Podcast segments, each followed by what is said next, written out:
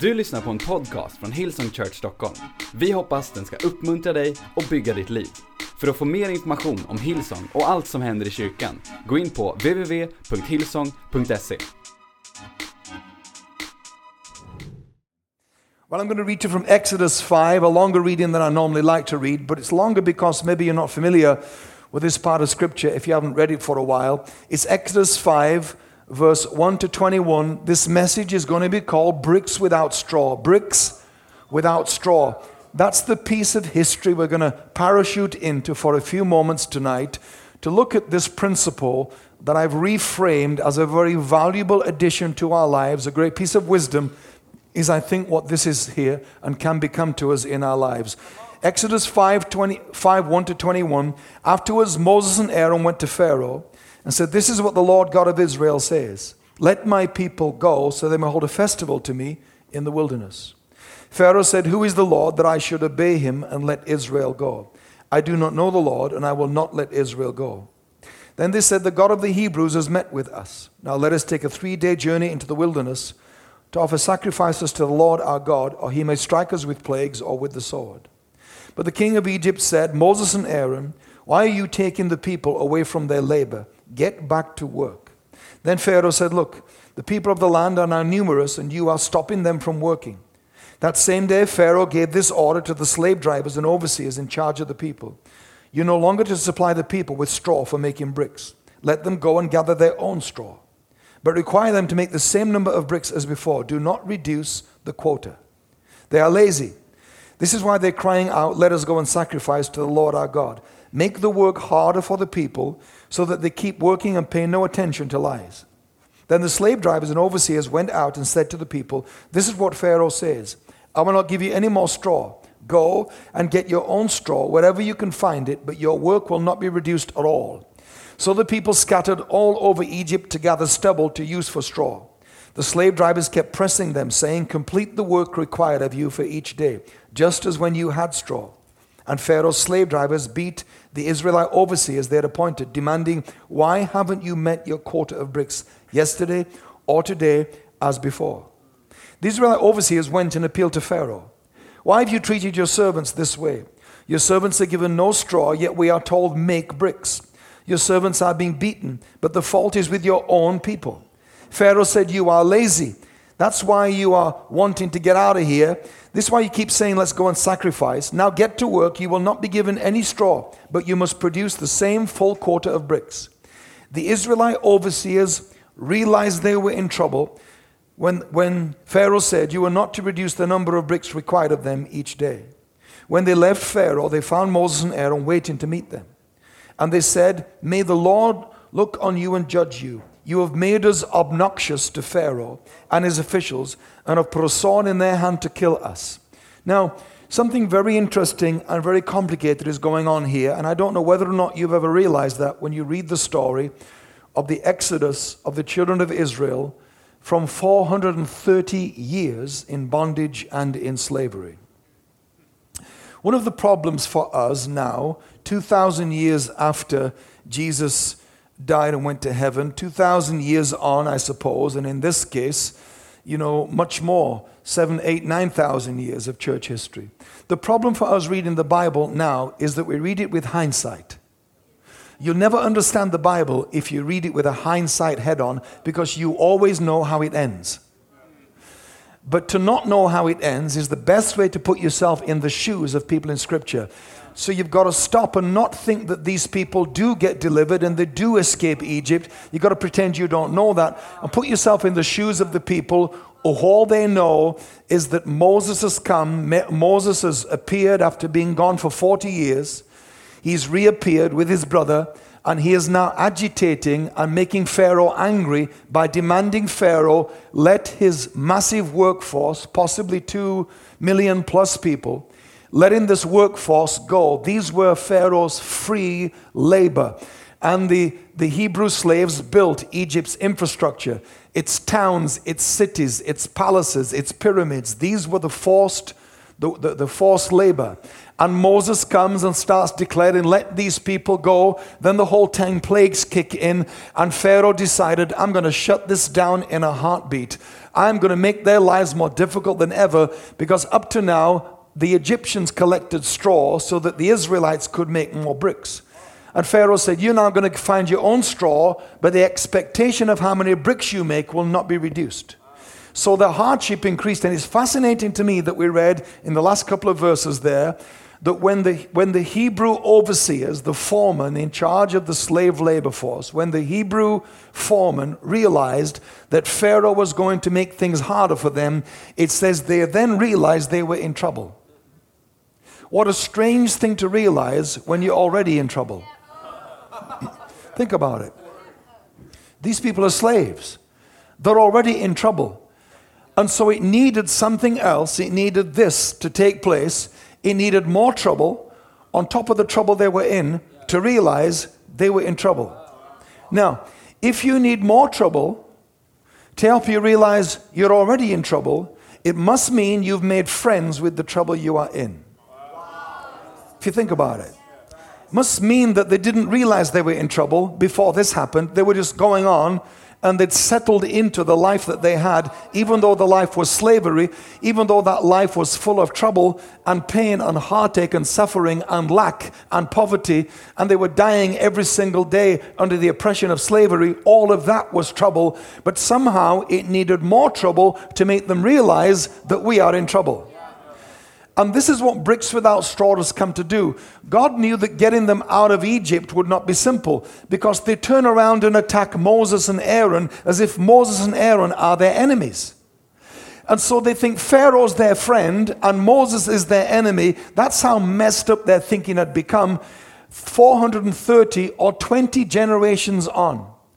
Anything that's established, I think, to a third generation, even, never mind 20 generations, anything established to a third generation takes on a permanence, it takes on a stability, it takes on a solidness that I don't think it had in the first two. This is why I've always thought that God stopped introducing himself um, after Jacob and didn't mention any more names. He said, I'm the God of Abraham, Isaac, and Jacob, and stopped. There were other people after Jacob because then there came Moses and then there came uh, Joseph and then there came Joshua and on it went. But God didn't keep saying, I'm the God of all those people too. He just said, I'm the God of Abraham, Isaac, Jacob, and stopped. Because when a thing takes on a third generation embeddedness and permanence, it doesn't become a concern anymore that it will be easily dislodged. That, by the way, is for good or bad things. Bad things establish themselves the same way as good things do. They're just generationally established, and generationally they gather more momentum and more permanence in people's lives and in society.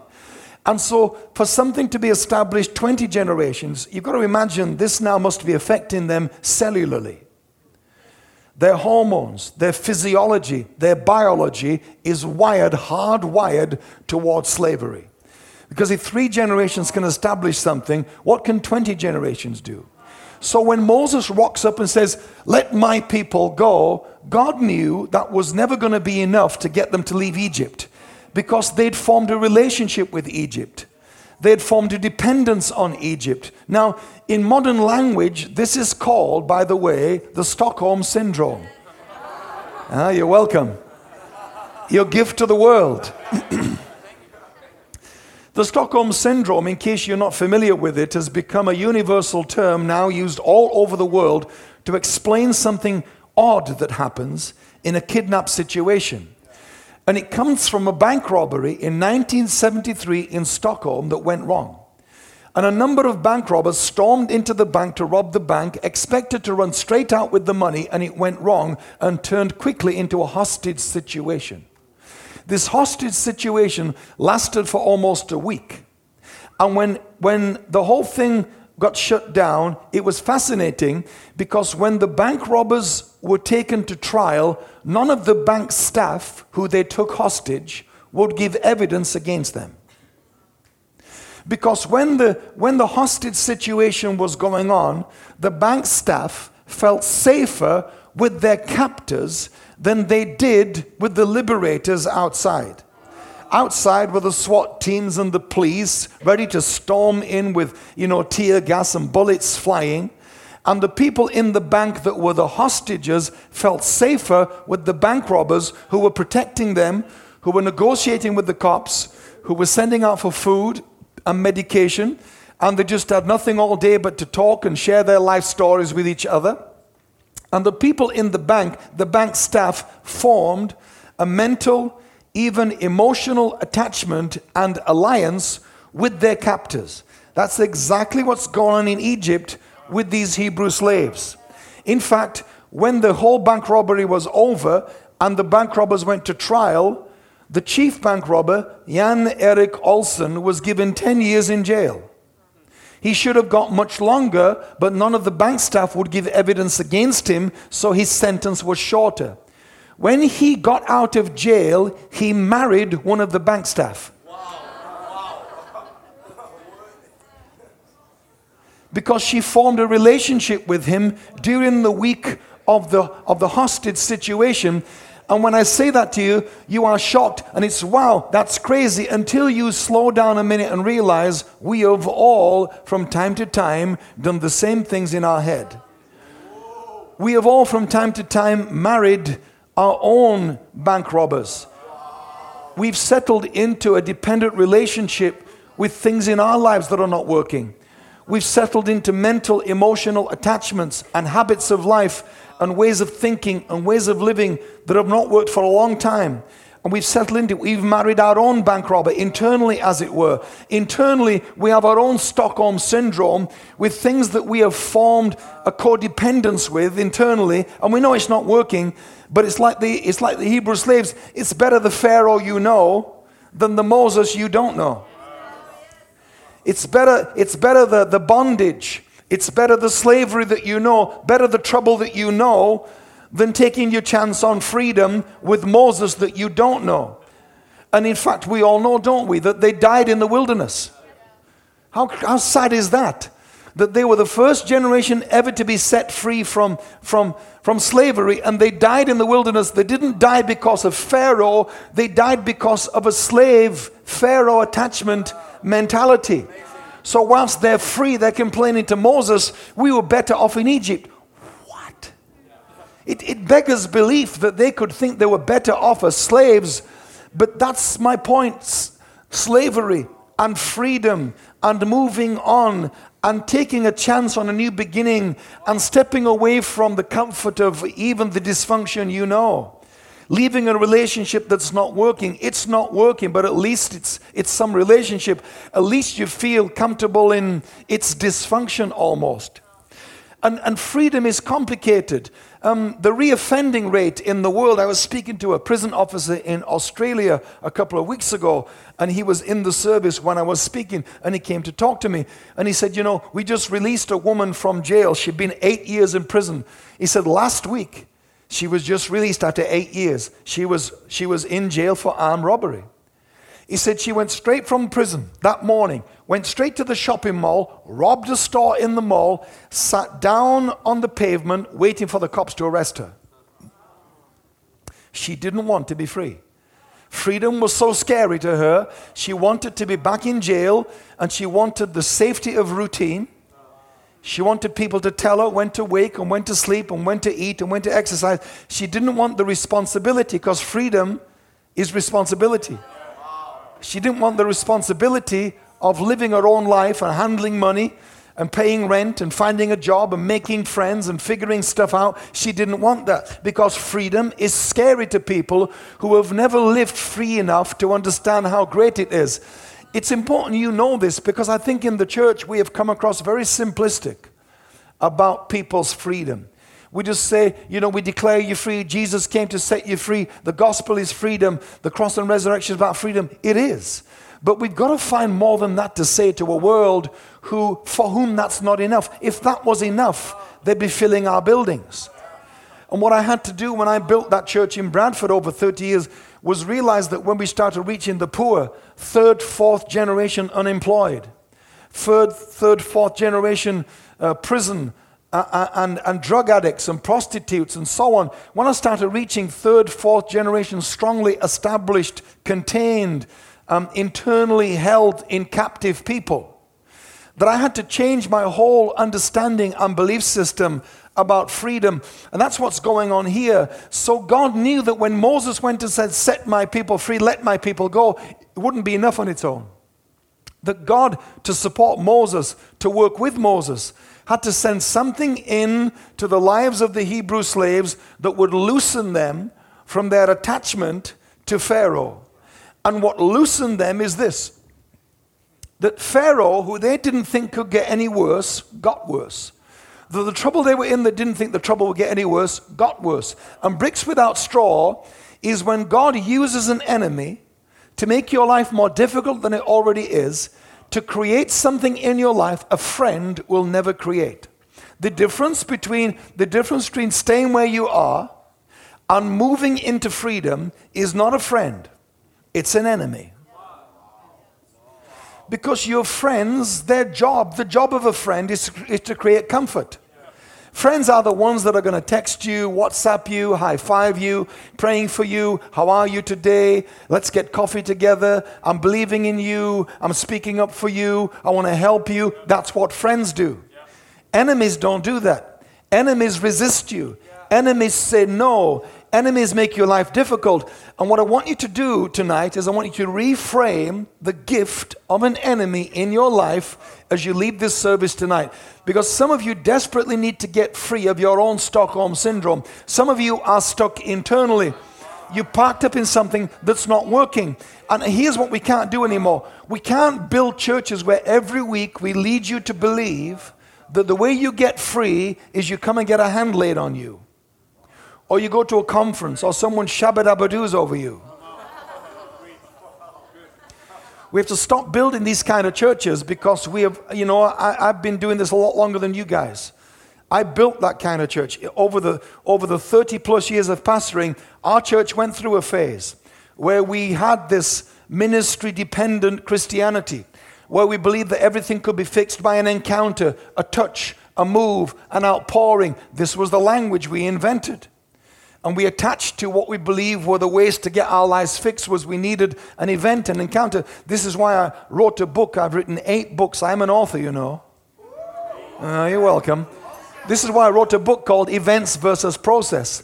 Because we, we exaggerate we exaggerate the power of events and we underestimate the power of process and we build churches where we lead you to believe you just get free. We'll lay a hand on you. We declare something over you. You go to a conference, you get a touch, you get a, you get a move.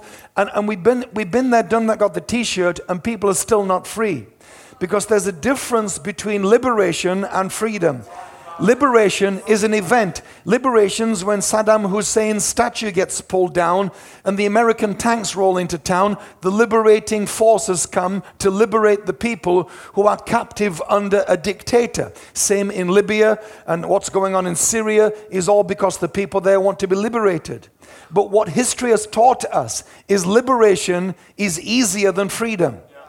Liberation is an event, but freedom is a lifetime of process and commitment to learn new things, to find new language, to find new ways of thinking, to have new people in charge, to build a new culture. You got to get new values, you got to get new relationships, you got to change everything. Otherwise, what happens in many of these countries stop. Don't have time. But I appreciate it. So many of these countries, as you know, what's happened with history is we find out that the liberation moment is over. Another country like Libya is in a worse condition. All it is is a rejigging of an old enemy now wearing new clothes. But it's the same problem. Because getting rid of Colonel Gaddafi or Saddam Hussein or Assad in Syria, getting rid of that dictator is not going to be the answer. The answer for those countries isn't liberation, it's liberation that leads to a life of freedom. South Africa and the apartheid system, same thing. It's no good getting rid of the, the, the, white, the white supremacist, the white racist leadership and replacing it with black leadership that doesn't understand how to put in new systems and cultures and values that free the country.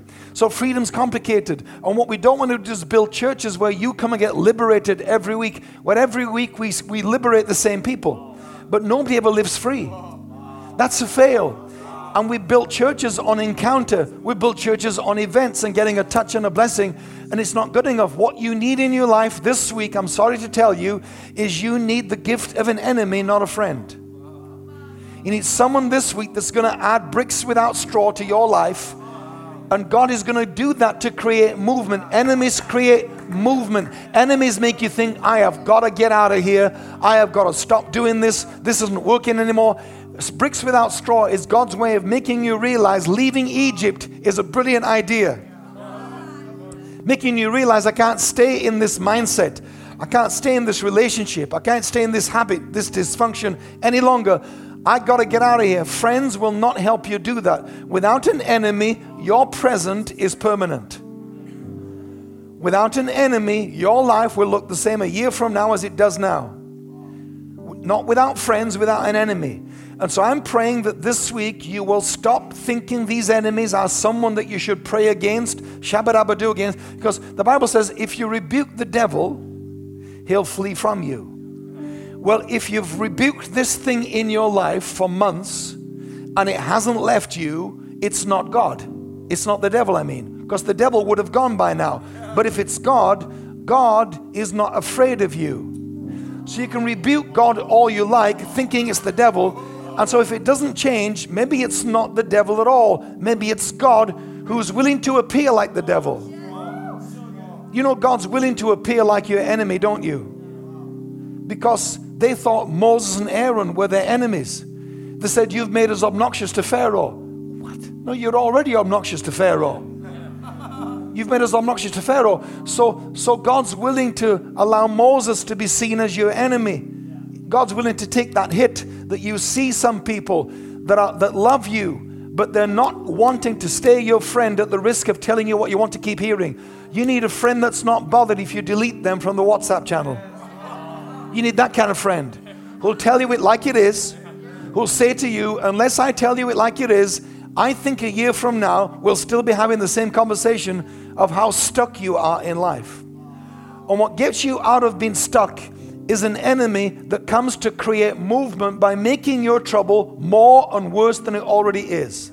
So this week, I want you to look at that boss who's resistant to you, who's saying no. Look at that relationship that's making your life more difficult than it is already. Look at this scenario in your world this week that's making your trouble more trouble than you already had, and reframe it as this is God's way of creating movement in your life away from where you've got stuck away from your Stockholm syndrome attachment to your own internal bank robber. It's going to give you this idea this week. I think it's time for me to get out of here because all the praying and all the laying on of hands and all the touch and encounter is not working. If it was, you wouldn't be still stuck. And what you don't need is I'm going to go to summer camp and get Reggie Dabbs to pray for me. You don't need that. You can get free now, tonight. And all you got to do, there'll be no goosebumps. There'll be nobody saying, Yay. You won't feel any inspiration. It'll just be cold, sober, calculating, definite, intentional. I am so done with this. It can be a little thing, just a small thing. Stop returning the phone call. Stop spending time with those people. Stop being involved in those conversations. Stop picking up the phone. Change whose numbers you're calling. It's Just to be a simple thing. Start there. And if you'll do one simple thing every day like that, a month from now, you will experience a freedom you've never had before, and it will stop you coming for counsel because we're worn out counseling people who have no intention of changing. It's, it's a codependent, it's like Alcoholics Anonymous. It's like a codependent relationship people have with church leaders where we counsel you, you say thank you, but you don't change. Then we counsel you again, you say thank you, but you don't change. And on it goes, you know, 35 years pastoring, you know how I know these things. We don't want to build this in your generation. Many of you are the emerging generation. We want you to know that some things we did, we got wrong. One of them was this we made people dependent on us in the way they shouldn't be. You don't need me to declare you free, you don't need my hand on you. You are your own walking liberation movement. I want you to be liberated and free, and then above all, start giving that freedom away to other people who don't know something you've figured out. Let's all stand. Come on, time's gone. Father, I want to thank you for these Amazing people here tonight that have come from all kinds of situations and circumstances in their lives. All kinds of things that they just want to see changed. All kinds of Egypts they want to leave themselves. I pray tonight that a new idea will dawn on us. I pray that a new option will become a reality to us. I pray that every one of us will uncouple from our addiction to liberation, our addiction to deliverance, our addiction to being set free, as it were. And I pray we'll walk in a new sense of responsibility to set ourselves free, to uncouple from our own Pharaoh that we married in our own heads. I pray we'll reframe the gift of an enemy that's creating bricks without straw for us and that that will cause us to look away, to turn our back on our own internal Egypt and step away, not just to liberation, but to a life of freedom that we so want to walk in day in, day out from tonight onwards. In Jesus' name, I pray this for every one of you that you'll have the strength, the confidence to step out and stay stepping out this week from things that you think God somehow is going to set you free from. He's not you have to set you free. It's not let my people go, it's will my people let go. That's the issue. You have to let go this week of stuff that's just not working anymore. In Jesus' name.